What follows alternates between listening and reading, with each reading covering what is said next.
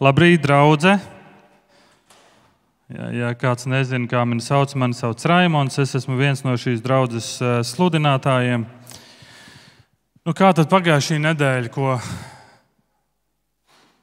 tu vari parādīt šādi, vai vari parādīt šādi? Varbūt nerādīt šādi. Šādi, jā. Andri, man prieks tevi redzēt. Tu ar abām kājām esi šeit, atklibojis. Uh, un uh, tas, ko Mārtiņš arī sākumā teica par to, ka uh, tev ir iespēja tikties ar, ar, ar mācītājiem. Tā doma ir, ka mēs gribam iedrošināt draugu nevis tikai, o, man tur teoloģisks jautājums, labi, iešu tikties ar mācītāju. Bet, ja tev vajag parunāties un tavā dzīvē ir šaubas, varbūt kaut kas nospiež, dari mums to zinām un mēs, mēs atradīsim laiku, lai satiktos un, un izmantosim to laiku. Un tas ir tas, ko mēs gribam iedrošināt un, un jā, vairāk praktizēt, ka mēs vairāk zinām viens otru un palīdzam viens otram. Nu, šajā nedēļā, cik cilvēkiem tev sanāca pastāstīt par Kristu? Sanāca vienam cilvēkam šajā nedēļā par Kristu pastāstīt. Šonadēļ. Nē, Paceliet roku, kuriem sanāca. Jā, paldies Dievam par tiem, kuriem izdevās. Bet labi, tu varbūt domā, ah, Raimond, tavs jautājums liek man justies slikti, jo mana statistika ir galīgi uz leju. Lai uzlabotu šo statistiku savam blakus sēdētājam, vienkārši pagriezies pret savu blakus sēdētāju, ja tev nav tāds, atrod un pasaki, ko tev nozīmē Jēzus Kristus.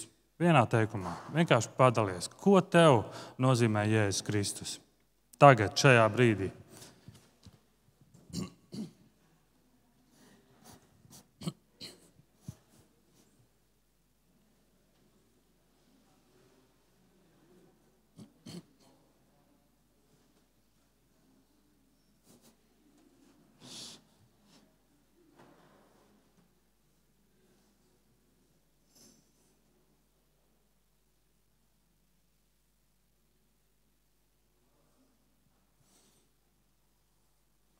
Labi, paldies.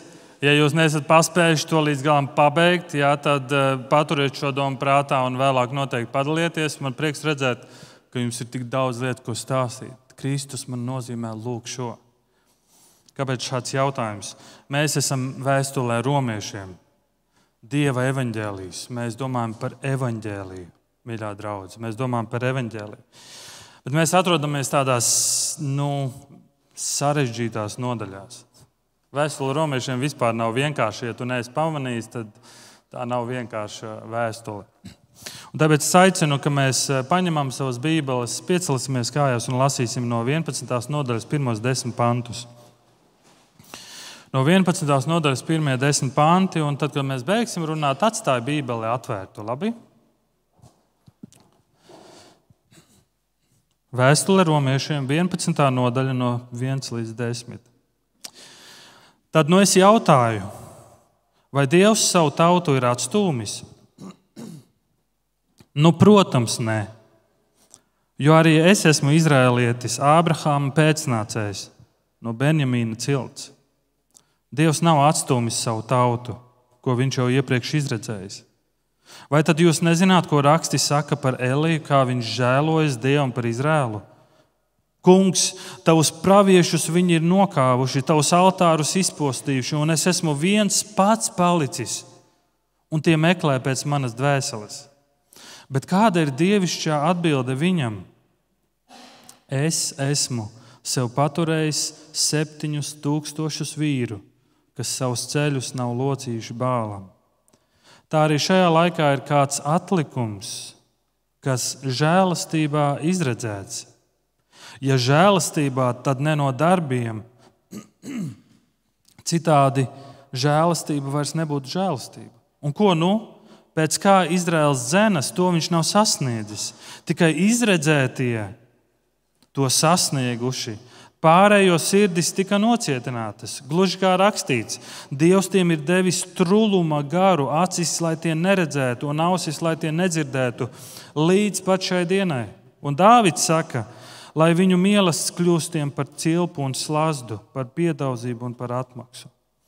Lai viņu acis ir aptumšotas, tā ka tie neredz, un viņa muguras, lai vienmēr ir saliektas. Āmen. Lūksim Dievu. Jēzu Kristu. Vēstule romiešiem ir sarežģīta vēstule. Bet palīdzi, ka mēs ar savām acīm spējam ieraudzīt, ar savām ausīm spējam sadzirdēt. Un tu esi tas, kurš atver sirdis. Atver mūsu sirdis, lai mēs neesam tie, kas skatās un neredz, klausās un nedzird. Lai mēs, lai mēs neesam apstulboti. Jēzus Kristus, es ļoti lūdzu, ka tu runā uz mums ka mēs nedomājam par vēstuli romiešiem, ak, jēl, cik šī ir sarežģīta vēstule, bet mēs ieraudzītu skaistumu, žēlastību un tavu evaņģēlīju.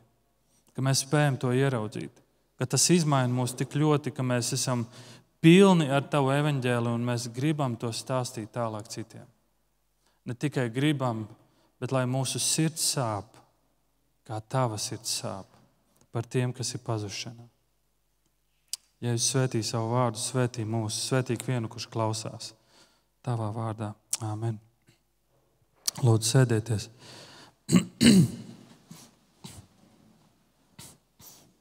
Pirms trīs nedēļām man bija jāsludina šeit no vēstules romiešiem devītās nodaļas. Kā jau teicu, romiešiem ir, ir, ir sarežģīta vēstule, un, un es esmu ļoti sagatavojies. Un, un es ierodos baznīcā, es satiekos ar cilvēkiem, sasveicinos, kāda ienāk ar kafijas krūzītēm, smaidīgi un tā. Un, un saulaina diena, viss ir labi. Man, manā, manā prātā ir visu laiku, ok, šie ir tie punkti, ko es gribu pateikt, un kā es to pateikšu. Un tu domā par svētkrunu. Un, un es stāvēju tur pie tā galdiņa Es stāvēju tur. Es neatceros, varbūt man bija kafijas krūze vai nebija kafijas, bet es jutos labi. Man bija prieks par cilvēkiem, kas atnākuši uz baznīcu. Prieks cilvēku satikt. Baznīcas durvis bija vaļā, abas bija. Tāpēc, ka nu, nu saulains, saulīt laid iekšā, vai ne? Un pēkšņi pa durvīm ienāk tāds stalts, liels vīrs, varbūt kaut kādi divi metri stāsts vīrs. Viņš tā ienāk, vienkārši nostājas un skatās uz priekšu. Nu, pēc izskata, izskats var būt maldinošs, bet pēc izskata likās, un viņam sekoja kāda sieviete. Es pieļauju, ka tā bija sieva. Un tad likās, nu, izskatījās ārzemnieki. Es piegāju klāt un, un sasveicinos, vīrs eh, sveicienu atņem pretī. Un, uh, Un tad es viņam jautāju, angļu valodā, sveiks. Es nezinu, kāpēc angliski es sāku runāt, bet es notrāpīju. Es saku, sveiks, mani sauc Raimons, kā sauc tevi? Vai arī, nē, es jautāju, no kurienes jūs esat? Un šis vīrs atbild, tas ir nepareizs jautājums, ko tu man uzdod. Wow, Tu uzreiz jūti tādu mazliet, tu redzi tāds niknums iekšā, tāda mazliet spriedzīte. Es redzu, tā sieviete stāv mazliet attālāk, un tur runā ar kādām māsām. Tu redzi, tā saruna tāda jau, nezinu, desmit sekundes nav pagājušas, un nu jau dusmās kaut ko sludina. Un tu jūti, ka kaut kas nav labi. Un šis vīrs stāv. Un es viņam saku, nu labi, iepazīsimies. Mani sauc Raimons, kā sauc tevi? Viņš pasaka savu vārdu, es pat neatceros viņa vārdu. Un viņš saka, un es viņam atkal jautāju, no kurienes tu esi. Viņš saka, es esmu no debesīm.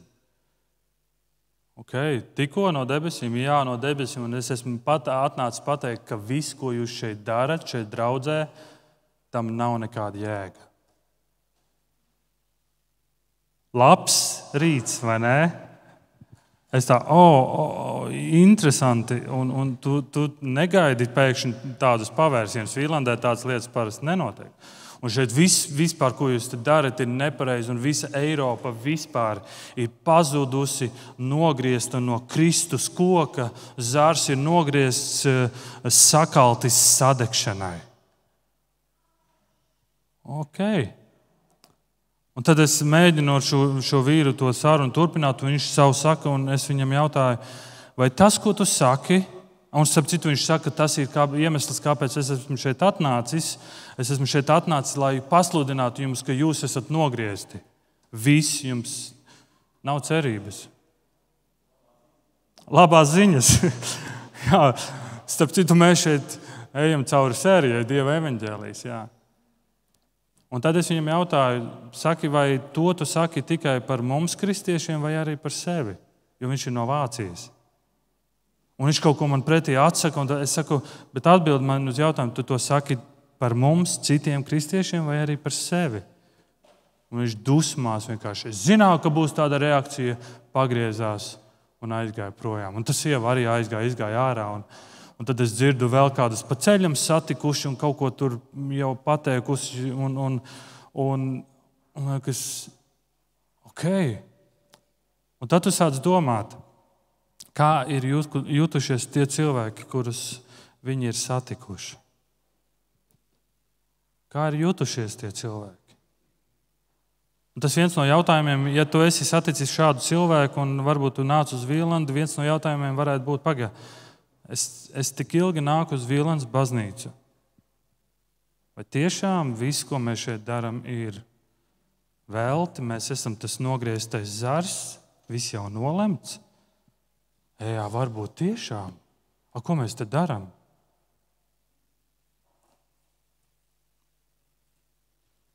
Ja tu esi viens no tiem cilvēkiem, ar ko viņi ir satikušies, parunājuši, un tev rodas jautājumi. Tāpēc iemesls ir nāc un parunā ar mums, pastāst mums, mēs esam gatavi satikties. Un šeit ir tas jautājums vēstulē Romiešiem 11. nodaļā, ko Pāvils uzdod. Tad nu es jautāju, vai Dievs savu tautu ir atstūmis? Un šodienas jautājums, ko es gribu domāt, ir, vai Dievs ir izmainījis savas domas, vai Dievs ir pārdomājis? Vai Dievs ir pārdomājis? Šodien ir tik daudz evaņģēlīju, mēs dzirdam, tik daudz evaņģēlīju, tik daudz visādas labās ziņas visapkārt. Pāvils, kurš ir dedzīgs vīrs, viņam deg sirds par evaņģēliju, par Kristus evaņģēliju. Un viņš redz, ka draudzēs ir šie daudzie evaņģēlīji, šīs daudzās ziņas cenšas iekļauties. Un tā vien šķiet, šodien viss tik strauji mainās. Šī nedēļa LGBTQ kopienai ir bijusi īpaša nedēļa Latvijā. Un varbūt kādam no jums ir, nezinu, cik tā saskarsme ir bijusi to vai, vai nē, bet liekas, ka Viss tik ļoti mainās, dzimumi mainās, jauni dzimumi, jauni dzimumi. Kad, kad būs tā robeža un pateiks, nu, cik tā dzimumi tur būs? Ļoti spēcīgi tiek strādāts pie tā, lai tiktu veiktas izmaiņas mūsu valsts pamatlikumā. Daudz vēlas to mainīt. Un tad tu sastopies ar visādiem TikTok video, ar cilvēkiem, kas ir iznākuši no mums. Mēs varētu teikt, to savējo, un iznāk visādi video, kur, kur tiek stāstīts, kurš tu klausies un liekas, šis cilvēks saka, Dieva vēsts mainās, mainamies līdzi. Un tad ir doti vairāki fakti. Un tas jautājums ir, vai Dievs ir izmainījis savas domas, vai, Dievs, vai Dieva vārds tiešām mainās? Ko mēs esam palaiduši garām? Ienāk tāds liels vīrs un saka, viss, vis, ko jūs šeit darat, ir vienkārši velti. Ko mēs esam palaiduši garām? Pāvils cenšas palīdzēt lasītājiem. Viņš raksta romiešu kristiešiem, un tur ir jūdi un tur ir pagānu kristieši. Ir svarīgi to zināt. Kā tas ir gadījies, ka Dieva izredzētā tauta ir noraidījusi Mesiju? Viņam bija pieejami mūzes likumi, pravietojumi, baušļi, viss, kas norāda uz Kristu. Viņam tas viss ir bijis pieejams. Kā tas iespējams, ka pēc visiem šiem gadiem paudžu nodotā mantojuma atnāk Kristus, bet Izraēla tauta viņu noraida? Nepazīst. Kā tas ir iespējams? Romiešiem 9. nodaļā mēs runājam par Dieva suverenitāti. Smags jautājums. Mēs runājam, ka tā ir cilvēka problēma. Romiešiem 10. nodaļā Pāvils liek uzsvaru uz cilvēka atbildību, ticības nepieciešamību un ka Dieva tautai nav bijusi ticība.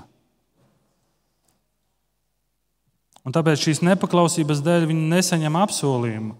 Un lūk, romiešiem 11. nodaļa, šī pēdējā teoloģiskā nodaļa. Jē, jo pēc tam seko praktiskas lietas, ko varbūt draudzene ļoti ir gaidījusi.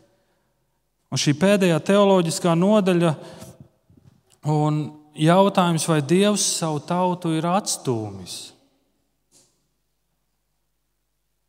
Kāds varētu jautāt, Raimond, kāpēc mums ir jāiedziļinās jūdu jautājumos? Tas ir par jūdu tautu, Izraēlu tautu. Kāpēc mums vispār jāiedziļinās? Tā ir viņu darīšana. Nu, es teiktu tā.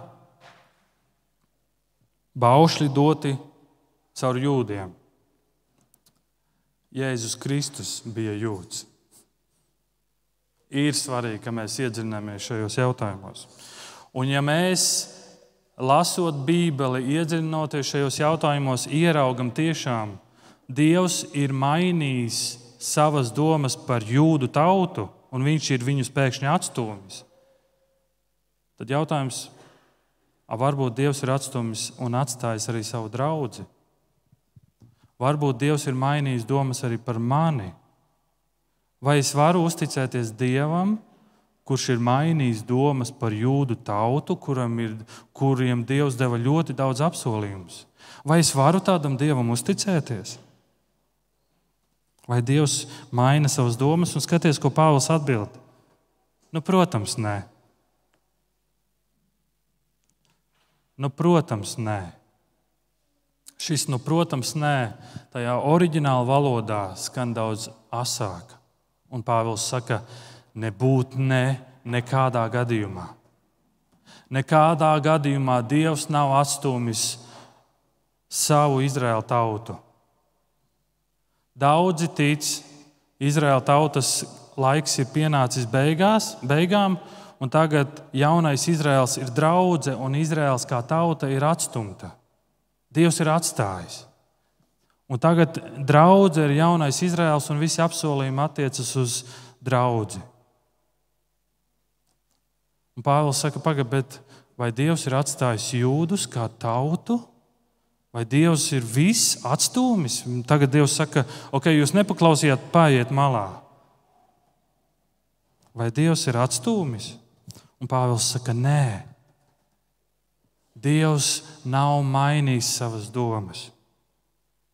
Un ko tad Pāvils, uz ko viņš to pamato? Un Pāvils saka, skaties.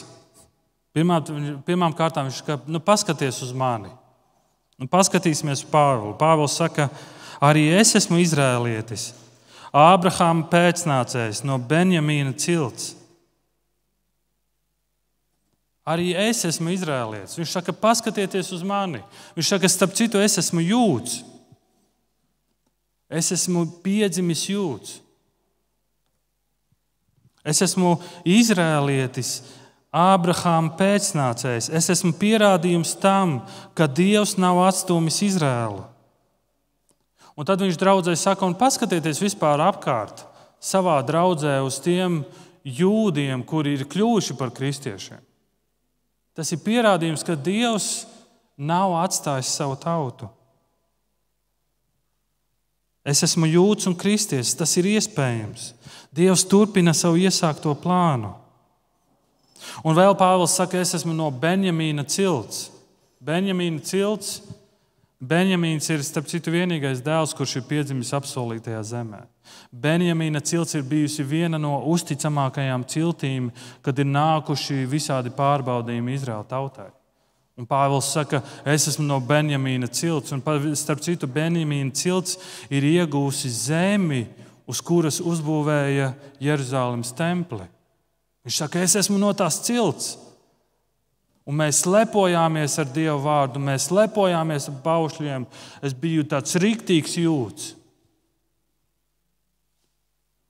Un paskaties, es esmu Kristus sekotājs. Paskaties uz mani. Starp citu, pirmie kristieši, pirmie kristieši, pirmie ticīgie jēzumi bija jūdi. Apostoli darbos mēs lasām, kā Pēteris sludina, cik tur atgriezās 3000. Tie visi bija jūdi. 3000. Vai Dievs ir atstūmis savu tautu? Pāvils saka, nebūt nē. Nebūt nē. Un tas vēl nav viss. Pāvils saka, es, ne, es esmu ne tikai jūds, bet sākotnēji man bija cits vārds. Man, es, mani sauca Sauls un tas, ko es darīju ar Kristus draugu, es to draugu vajāju. Es tik ļoti dedzīgi vajāju draugu, ka šodien mēs varētu teikt, Pāvils bija tā laikos samabina ladens. Draudzēji tās bija nepatikšanas. Un lūk, paskatieties, ko Dievs dara. Un Pāvils saka, viņš man ir izmainījis. Pāvils saka, ja es varēju tikt glābts, tad noteikti jebkurš var tikt izglābts. Viņš saka, paskaties uz mani, Dievs nav mainījis savas domas. Daudzi varētu teikt, zini, kā tu nezini manu pagātni.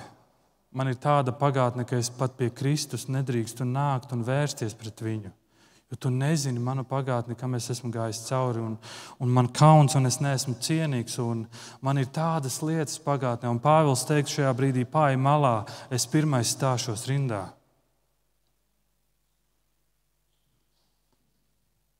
Pāri malā.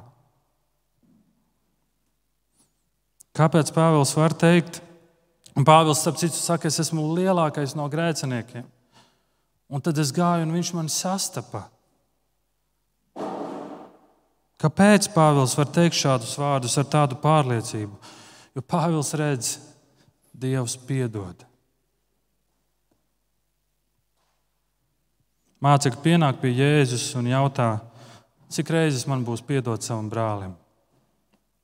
Ja mans brālis man nodara pāri septiņas reizes dienā, un septiņas reizes viņš nāk arī un atvainojas, vai man piedot viņam?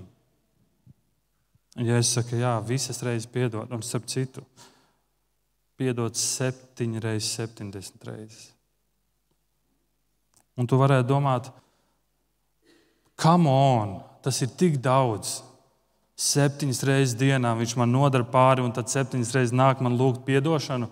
Tas jau kļūst apnicīgi. Tas varētu likt apgrūt, šķist apgrūtinoši. Bet, kad Pāvils palūkojas uz jūdu tautu un cik Dievs bieži ir piedevis savai tautai, tad Pāvils varētu teikt, cik bieži Dievs tev ir piedevis. Tad pēkšņi tu saproti, ka tās septiņas reizes ir pilnīgs sīkums. Tās septiņas reizes, cik bieži Dievs ir piedevis jūdu tautai, viņu malkošanos, viņa nodevību, viņa, tas, ko mēs lasījām, tas, ko Mārtiņš lasīja 78. psalmā, kā viņa visu laiku novērš no Dieva. Un Dievs piedod, un Dievs piedod, un Dievs piedod.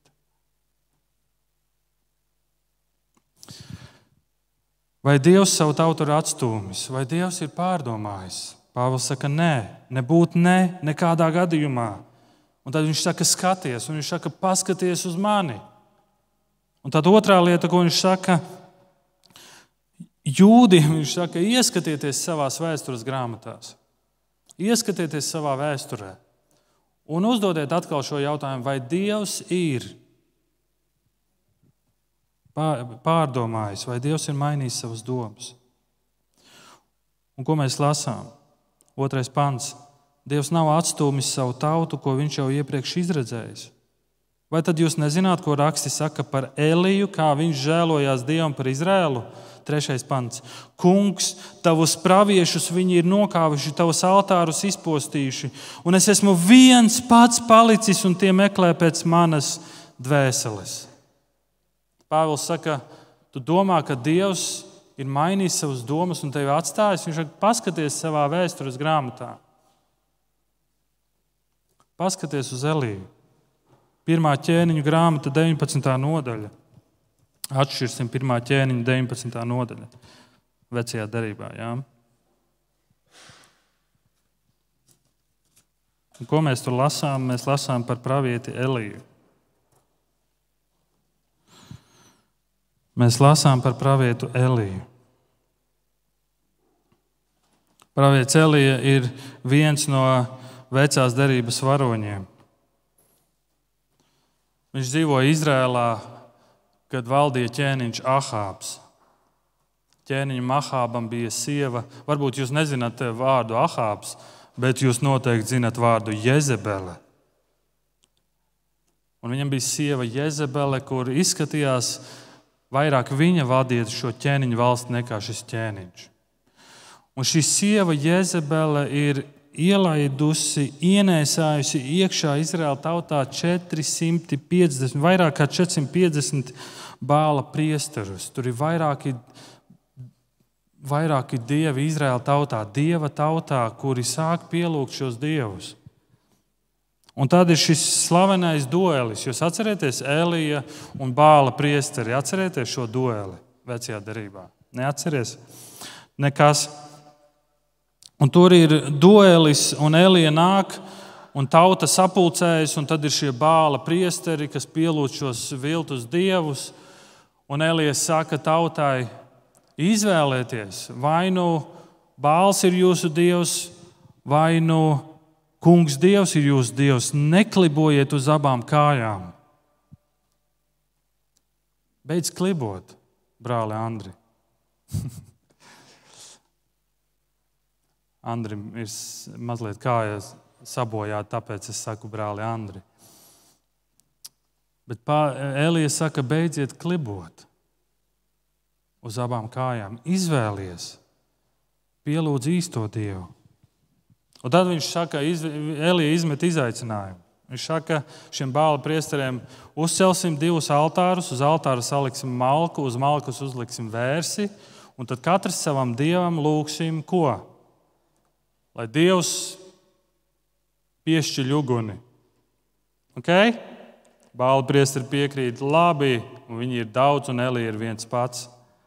Un tad Elija dod viņam priekšroku, un ko dara šie bāla priesteri?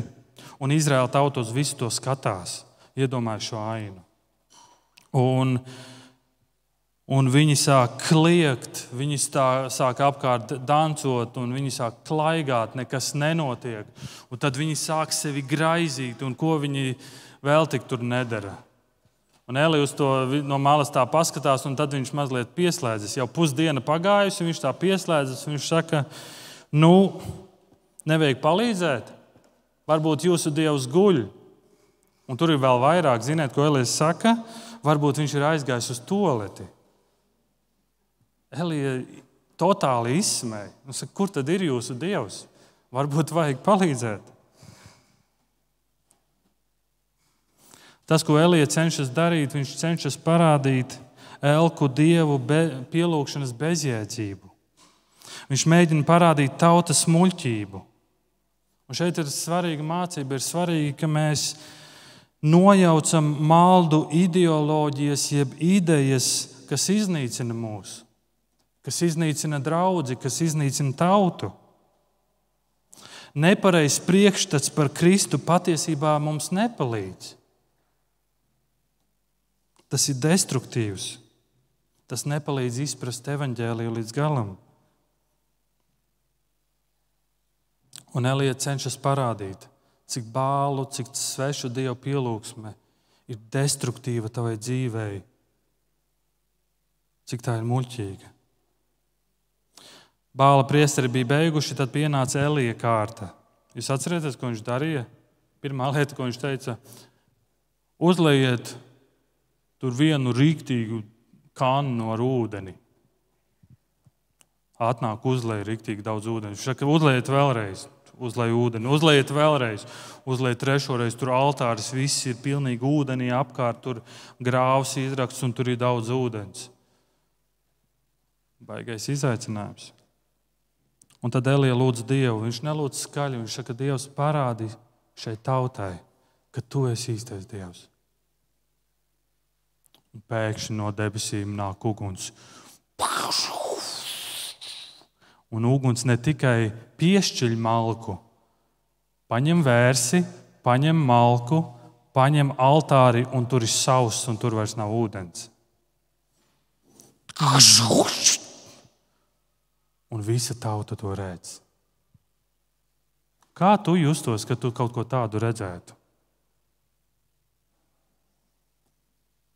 Wow! Mana reakcija būtu: Wow! Un tad Elīze saka, nogaliniet šos bāla priesturus. Vienkārši nogaliniet viņus. Un tad tā loģiskā reakcija ir, vajadzētu sekot atmodai, vai ne? Visa tauta ir piedzīvojusi, apskaties, kāda atmoda. Apskaties, kāds ir mūsu Dievs. Vajadzētu sekot lielai atmodai, ka visa tauta pēkšņi sāk pielūgt Dievu. Bet ko mēs lasām tālāk? Ķēniņš Ahāvs aiziet uz savu pili. Viņš aiziet uz pili un par to pastāsta savai sievai Jezebelei. Un šī sieva no savas prezidenta kancelēs izsūta vēstuli Elijam, kurā ir izteikti nāves draudi. Tā ir Izraela tauta, tā ir Dieva tauta, Elija ir Dieva tautas priesteris. Un viņam tiek izteikti nāves draudi. Tas nav tas rezultāts, ko mēs būtu sagaidījuši, vai ne? Tur būtu jābūt rīktīgai atmodai, un Jēzebele saka, ikvienam priesterim, bāla priesterim, ko tu esi nodarījis, es tev desmitkārt vairāk nodarīšu. Elija nobīstas un viņš, viņš vienkārši laižas lapās. Viņš bēg. Viņš bēg par savu dzīvību. Viņš bēg prom. Elija bēg, viņš aizbēg uz zalu, un šajā alā viņš saka dievam: Es vēlētos, kaut es būtu miris. Viņš saka, es, es esmu noguris. Es tikko, tikko Elija piedzīvoju tādu pieredzi ar Dievu kalnā, un tagad viņš ir depresijā. Viņš vēlas būt miris. Viņa kalpošana piedzīvo lielu neveiksmi. Viņš saka, es esmu noguris no šīm cīņām, es esmu noguris no cilvēkiem, es esmu noguris, man pietiek. Viss. Un Elija saka, es nemaz neesmu labāks kā savi priekšteči. Viņš runā par praviešiem, kas bija pirms viņa. Un viņš zina, ka viņa pravieši ir pie, piedzīvojuši cilvēciski skatoties neveiksmi. Un viņš saka, es neesmu labāks. Kad Elija sāka kalpošanu, viņš sāka noteikti ar tādu jaunu enerģiju. Viņš teica, šī tauta piedzīvos atmodu un viss, viss Izraels pielūgs Dievu. Mēs bieži vien, kad sākam kalpošanu, vai ne, īpaši Vīlandē, tie, kas ir aktīvi iesaistījušies kalpošanā, tu atceries, kā tu sāki? Būs atmoda, būs 200 svētdienas skolnieki Vīlandē, būs lielākā jauniešu draudzene Vīlandē, būs, jā, mēs to sasniegsim. Un Elija nāca ar tādu, iespējams, ar tādu pašu domu un pēkšņi viņš ir depresijā. Tu lūdz atmodu pār Latviju, un tu nonāc brīdī un saki, viss man pietiek. Tam vispār nav nekāda jēga. Un ko mēs lasām, ko Pāvils saka? Elija sūdzas Dievam par Izrēlu. Viņš saka, tavus praviešus viņi ir nokauši, tavus altārus izpostījuši, un es esmu viens pats palicis. Starp citu, es esmu viens pats tāds, kurš tev pielūdz, kurš tev seko. Nav neviena kristieša Rīgā vairāk. Es esmu viens pats. Un varbūt viņš grib, lai Dievs pieliek Izraēlu šādai tautai, pieliec punktu vienkārši. Nost ar viņiem, nostum viņus nost. Palasiet tajā pirmā ķēniņa 19. nodaļā, kāda viņam ir saruna ar Dievu. Un tur ir zemestrīce, un tur ir vētra, un tur ir kas tur vēl tik nav. Dievs to visu vietu satricina, un tad viņš nāk ar klusu balsi. Un Elijam ir saruna ar Dievu. Šajā sarunā Dievs pieņem Elijas atlūgumu, starp citu. Un Dievs dod kādus norādījumus, kas viņam jāizdara. Bet Dievs saka šādus vārdus. Ceturtais pants. Bet kāda ir dievišķā atbilde viņam? Es esmu sev paturējis septiņus tūkstošus vīru, kas savus ceļus nav locījuši bālam. Elija, tur ir vieta, kur ir septiņi tūkstoši vīri, tādi paši kā tu. Tu neesi vienīgais. Tu neesi vienīgais. Pāvils grib pateikt, Dieva plāns nav beidzies. Tas vēl nav izpildīts. Dievs ir pasargājis septiņus tūkstošus, kas viņam uzticas.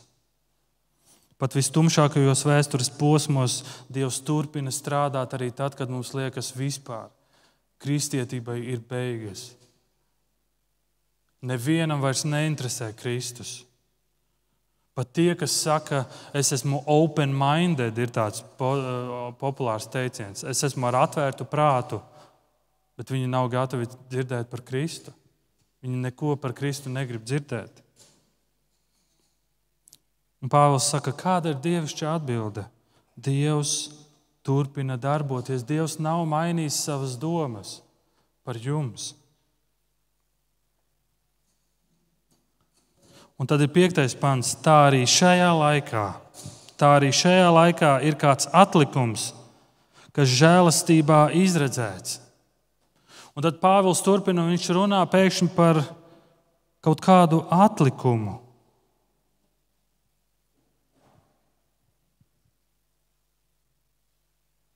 Dievs nav mainījis savas domas.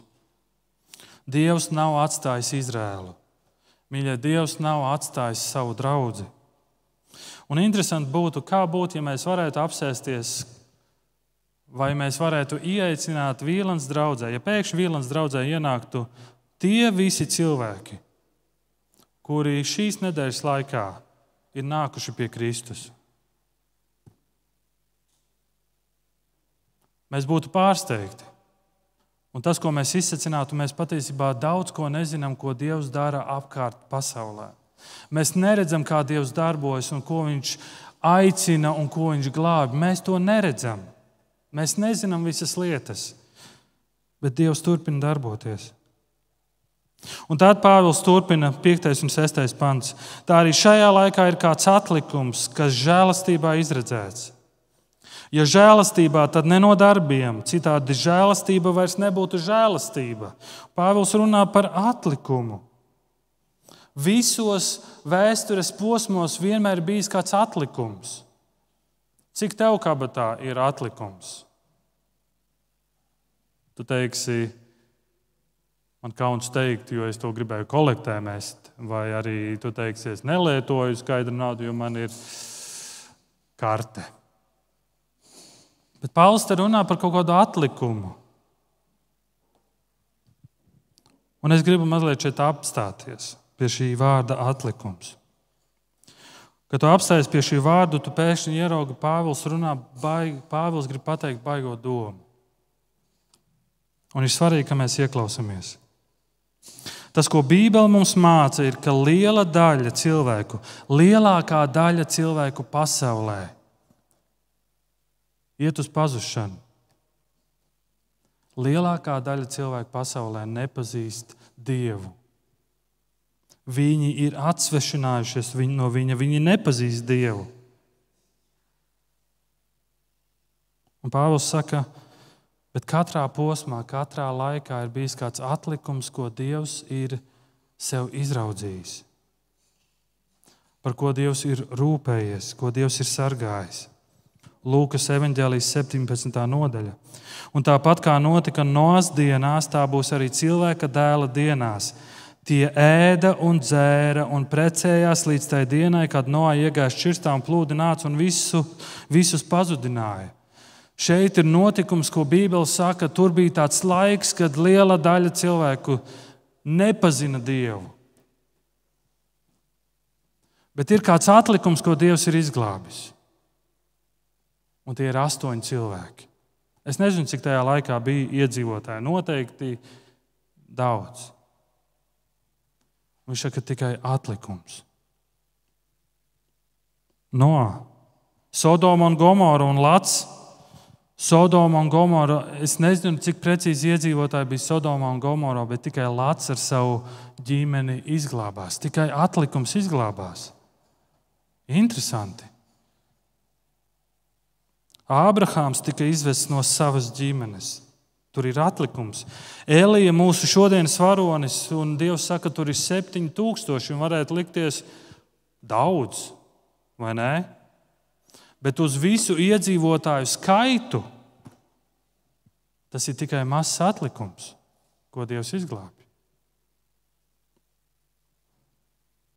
Apostuļu darbos mēs lasām, Pēters sludināja un atgriezās 3000. Mēs varētu teikt, kāds brīnums, ko Dievs ir darījis, paskaties, cik daudz. Bet 3000 pret miljonu tajā, tajā laikā Tas ir atlikums, tas, ir, tā, tas nav daudz. Tikai atlikums tika glābti, tikai mazs atlikums. Bet visi pārējie, kas ar viņiem? Un tas ir, un šeit Pāvils paceļ ļoti interesantu domu. Tikai atlikums. Un tad, kad tu lasi atklāsmes grāmatu, un, un tur ir teikts, trešā daļa no tā tikai. Un tad tu domā, okay, vai tas ir tas atlikums? Ļoti daudz cilvēku šodien dzīvo un domā, dzīvo kā tāds Samsons, kurš guļ Delailas klēpī un domāja, viss viņa dzīvē ir nodrošināts. Mana reliģiskā pieredze mani glābs. Es baznīcā eju katru svētdienu. Es katru reizi, katru svētdienu klausos svētdienu. Ja es netieku uz baznīcu, es klausos online. Bet Samsons pamostas un viņš nokļūst tumšā vietā. Jūdu tauta visus šos gadsimtus ir pētījuši rakstus, pētījuši rakstus, studējuši, nodevuši no paudzes paudzē, un tikai atlikums tiek glābts.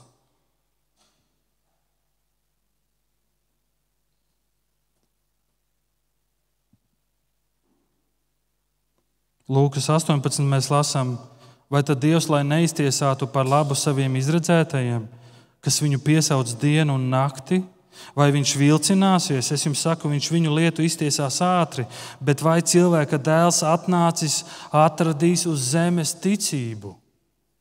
Labs jautājums.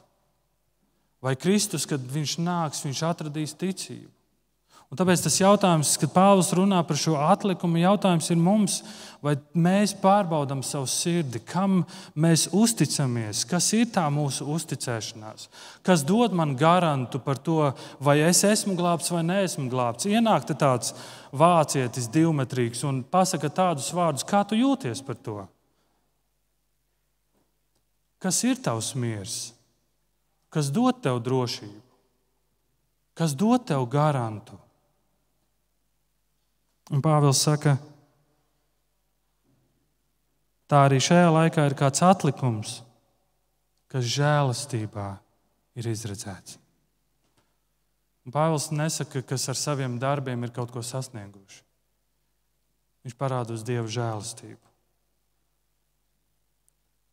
Viņš parāda uz Dieva žēlastību. Sestais pants. Ja žēlastībā, tad ne no darbiem, Citādi žēlastība vairs nebūtu žēlastība. Citādi žēlastība vairs nebūtu žēlastība.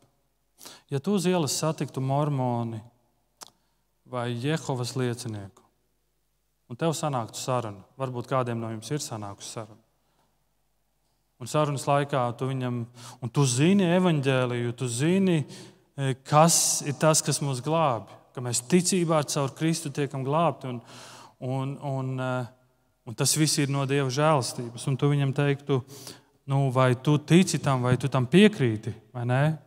Vai jūsu mācība saka, ka tas viss ir no Dieva žēlastības un ne no darbiem? Viņi atbildētu, jā, mēs tam ticam, mēs tam piekrītam. Un tajā brīdī tu noteikti būtu mazliet šokēts, pārsteigts, kā tu tā drīksti teikt. Es zinu, ka tas nav pareizi, kā jūs sakat, vai nē, kā jūs tā sakat, kad no žēlastības. Bet kur tad darbi? Un viņi teiktu, jā, no žēlastības, bet arī no mūsu darbiem. Un tur redzi, un te parādās, un šeit ir tie daudzi evaņģēlīji, kas saka, ne tikai no žēlastības, nepietiek tikai ar Dieva žēlastību. Tur vēl vajadzīgi mani darbi. Tur vēl vajadzīgs kaut kas, lai es Dievam izpatiktu, lai Dievs mani glābtu, lai es nokļūtu debesu valstībā. Ar žēlastību vien nepietiek. Un Pāvils nostājas pretī un saka, no žēlastības žēlastībā izredzēts. Ja žēlastībā, tad ne no darbiem, citādi žēlastība vairs nebūtu žēlastība. Tiklīdz mēs Dieva žēlastībai pievienojam darbus, mēs sakam, Dieva darbs nav pietiekams. Ar to nepietiek. Tas, ko Kristus ir darījis, ar to nepietiek. Mums nepietiek ar Dieva žēlastību, mums pašiem vēl kaut kas jādara. Lūk, ir Dieva evaņģēlijs ne no darbiem, bet no Dieva žēlastības. Mēs neko nepievienojam. Tas viss ir no Viņa.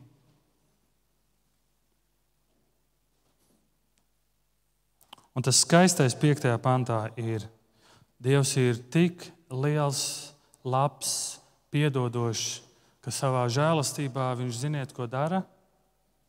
Tur rakstīts, izredz. Viņš izvēlas. Viņš nav tāds, kuram tiks, kuram, kurš kuram palaimēsies, bet viņš meklē, viņš izvēlas. Un visos laikos Dievs savā žēlstībā ir izredzējis atlikumu. Atlikums ar noteiktu mērķi, un mēs nākamajā reizē noteikti redzēsim, kas ir tas mērķis, kāpēc Dievs to visu dara, ar kādu mērķi. Un tad ir 7. līdz 10. pants. Pāvils uzdod jautājumu, un ko nu?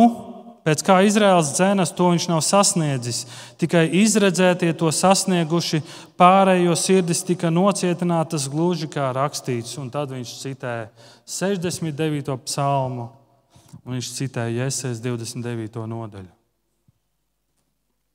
No 7. līdz, 9, līdz 10. pantam Pāvils runā par dieva tautas nocietināto sirdi. Izraels dzenās, viņi dzenās, dzinās tik ļoti, bet viņi to nesasniedza. No 7. panta virzība mainās. Un viņš runā par Izraels tautas daļu, kas netic. Un romiešiem 9. nodaļā viņš saka, kāpēc? Kāpēc tas tā notiek? Jo Izraels dzēnas pēc taisnības ar saviem darbiem. Un šeit viņš runā, kas notiek, ja mēs žēlastībai pieejaucam klāt darbus, mēs apzogam Dievu. Mēs sākam lielīties vairāk ar sevi, nevis ar Dieva žēlastības darbiem.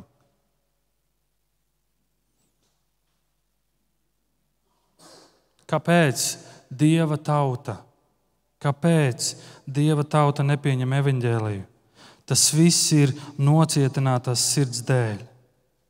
Un, kad cilvēkam ir nocietināta sirds, tas nav stāvoklis, kurā viņš paliek. Viņas sirds kļūst ar vien vairāk un vairāk un vairāk nocietināta. Un, kad es jums uzdevu sākumā jautājumu, cik cilvēkiem tu pastāstīji par Kristu? Katru reizi, kad mēs mazāk cilvēkam stāstam par Kristu, viņu sirds to par vien vairāk nocietināta. Katru reizi, kad mēs ar cilvēkiem runājam, un mēs cilvēkiem sakām, zini, kā galvenais, ka tu nāc uz baznīcu. Kristus nav, nav svarīgi. Tu vari lūgt Dievu, tu vari lūgties, un tā tālāk. Nu, Kristus tas nav tik svarīgi. Cilvēks sirds kļūst ar vien vairāk nocietināta. Un, kad es saku, cilvēks sirds ir nocietināta, cilvēks, cilvēks nespēja satvert evaņģēliju. Viņš nespēja. Viņš nespēja satvert to, ka tev nekas nav jāpierāda. Dievs ir devis savu dēlu, un caur viņu pietiek. Vai tu tam tici? Beidz dzīvot visu laiku sevi mokot, pierādot kādam kaut ko. Paldies par to baznīcas jumtu, ko tu saremontēji.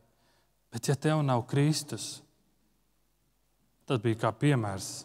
Es pamanīju visu reakcijas. Jā. Bet, ja tev nav Kristus, tad tu turpināsi dzīvot visu laiku ar šo domu, ka man kaut kas ar saviem darbiem ir jāpierāda. Bet tas nav evaņģēlijs, ko Pāvils sludina. Un tāpēc Pāvils tik ļoti deg par to. Un 8. pāns, gluži kā rakstīts, Dievs tiem ir devis truluma garu. Viņš citēja Jēzus 29, un šis truluma gars tā ir nespējis satvert, nespējis saprast, redzēt un dzirdēt. Un kāpēc viņiem ir šis truluma gars? Tāpēc, ka viņi ir novirzījušies, viņi nav pieņēmuši Jēzu Kristu. Un tas kļūst ļaunāk un ļaunāk.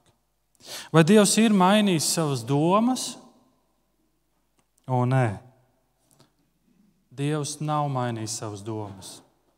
Ir kāds atlikums, ko Dievs ir izvēlējies, par ko Dievs rūpējas. Un šis atlikums ir noteiktam, noteiktam mērķim. Dievs ir uzticams. Viņš nav atstājis savu Izraēlu tautu. Viņam ir plāns priekš Izraēlu tautas. Viņš nav atstājis savu draugu. Viņš vēl nav pabeidzis to darbu pie mums. Dievs ir uzticams.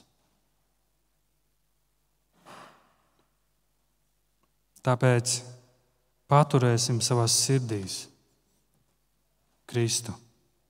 Un es gribu nobeigt ar pantiem, ar vienu pantu patiesībā, no 2. korintiešiem 3. nodaļas 14. panta.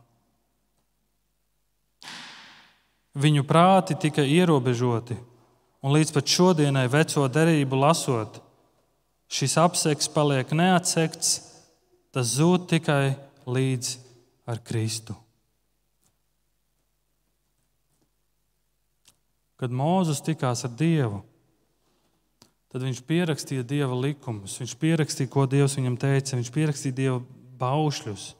Un, kad Mozus devās atpakaļ pie savas tautas, ziniet, ko viņš darīja? Viņš uzlika tādu kā apsegu pa virsmu, jo viņa seja spīdēja, viņa seja mirdzēja. Un, kad Pāvils par to raksta 2. korintiešiem 3. nodaļā, viņš saka, ka Mozus simbolizē dieva likumu. Un viņš tagad runā uz jūdu tautu. Tu visu laiku esi meklējis atbildes dieva likumos. Un dieva likums, dieva baušļi ir kaut kas ļoti skaists. Tas ir kaut kas ļoti vērtīgs, un ja tu tajos ieskaties, tad tiem likumiem jāved tevi pie Kristus.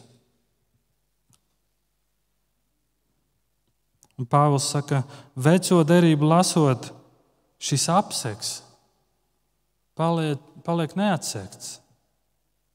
Jūdi lasa veco derību un nespēja ieraudzīt Kristu. Nespēja ieraudzīt. Viņi tik uzmanīgi studē, viņi pēta, viņi iedziļinās, bet viņi neredz Kristu. Kāpēc? Tāpēc, ka ir kāds apseks priekšā, ko viņi nespēja ieraudzīt. Caur to viņi nespēja redzēt skaistumu. Un tad viņš saka, līdz pat, šai, līdz pat šodienai, ikreiz, kad lasa mūzu, uz viņu sirdīm guļ apseks, bet tiklīdz kāds pievēršas kungam, apseks viņam tiek noņemts. Tiklīdz tu pievērsies Kristum, tiklīdz tu satver Kristu, pēkšņi tu lasi veco derību, jūtas, kārtīgs jūtas, lasa veco derību un visu, ko viņš redz, Kristus, Kristus, Kristus, Kristus. Visur pēkšņi viņš sāk saprast un ieraudzīt. Viņš sāk saprast tos dārgumus, to vērtību. Un jautājums mums, vai tu esi atvēris, vai tu esi ieraudzījis šo dārgumu, ko Pāvils sludina, vai tu esi satvēris evaņģēliju. Un Pāvils, kad viņš raksta šo vēstuli romiešiem, desmito nodaļu, viņš sāk ar vārdiem: Mana sirds labprātība un mana lūkšana Dievam par viņiem, lai viņu tiktu glābti. Pāvēlam tik ļoti sirds deg par saviem tautiešiem, jūdiem. Viņš saka, es būtu gatavs būt nolādēts viņu dēļ, lai tikai viņi iegūtu Kristu. Un tad es domāju, vai es varētu teikt tā par latviešiem. Es vēlos būt nolādēts, lai tikai viņi iegūtu Kristu. Vai es varētu tā teikt par tiem pieciem tūkstošiem, kas vakar gāja šajā gājienā? Es kaut ko citu varētu teikt. Bet vai es varētu teikt, es gribētu būt nolādēts, lai viņi tikai ieraudzītu un satvertu Kristu? Un tas jautājums mums šodien, domājot par šo visu, ko Pāvils šeit saka, vai mums nav jāpārbauda sava sirds un jājautā Kristu, kāpēc mana sirds nedeg? Kāpēc vakar, kad bija šis gājiens, es nebiju uz ceļiem un nelūdzos? Kristu, ka viņi ierauga tevi. Tā ir liela problēma. Tā ir daudz sarežģītāka problēma nekā mēs domājam. Bet vai mana sirds deg un es saku, Kristu, kaut viņi tevi sastaptu? Vai mana sirds deg par evaņģēliju, par savu ģimeni, domājot par saviem kolēģiem, par saviem kaimiņiem?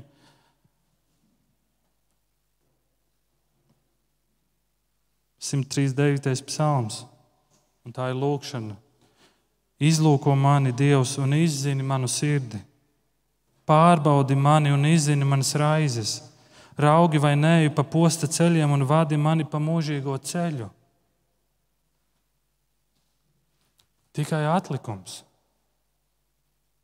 Bībele rāda tikai atlikums. Tev šķiet, ka visa pasaule tiks izglābta. Kad mācekļi atnāk pie Jēzus un jautā, cik daudzi tiks izglābti, ziniet, ko Jēzus atbild viņam? Tu, galvenais, staigā pa šauro ceļu. Tu turies uz šīs šaurā ceļa, tu staigā pa šo šauro ceļu, tu meklē, tu dzīvo tā par to, cik daudz tiks izglābti, atstāja manā ziņā. To atstāja manā ziņā. Tur ir 7000.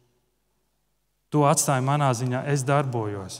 Bet tu turies, tu staigā pa šo šauro ceļu. Lūksim Dievu.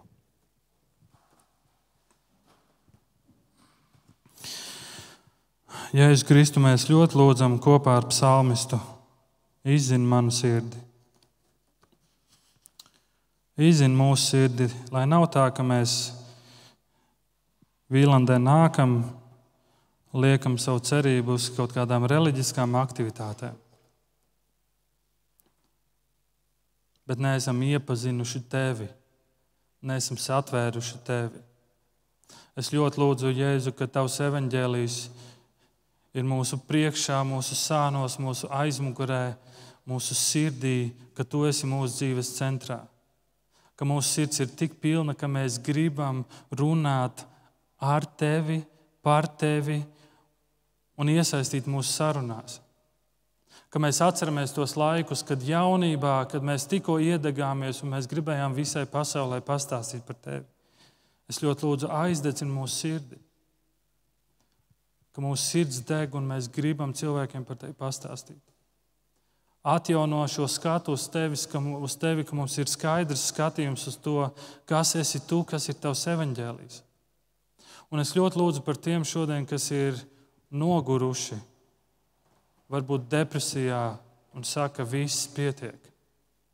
Dievs, man šķiet, tu neesi uzticams. Es ļoti lūdzu, ka tu brīnumainā veidā pagodinies un parādi, cik uzticams tu esi, ka tu savas domas par mums nemaini Tu nemaini savas domas par draugu, par cilvēkiem, par misiju. Tu to nemaini. Un tāpēc es lūdzu, ka tu atjauno mūs. Tu redzi, cik ļoti mums to vajag. Paldies, ka tu esi tik labs. Svētī mūs, lūdzu, tavā vārdā. Amen.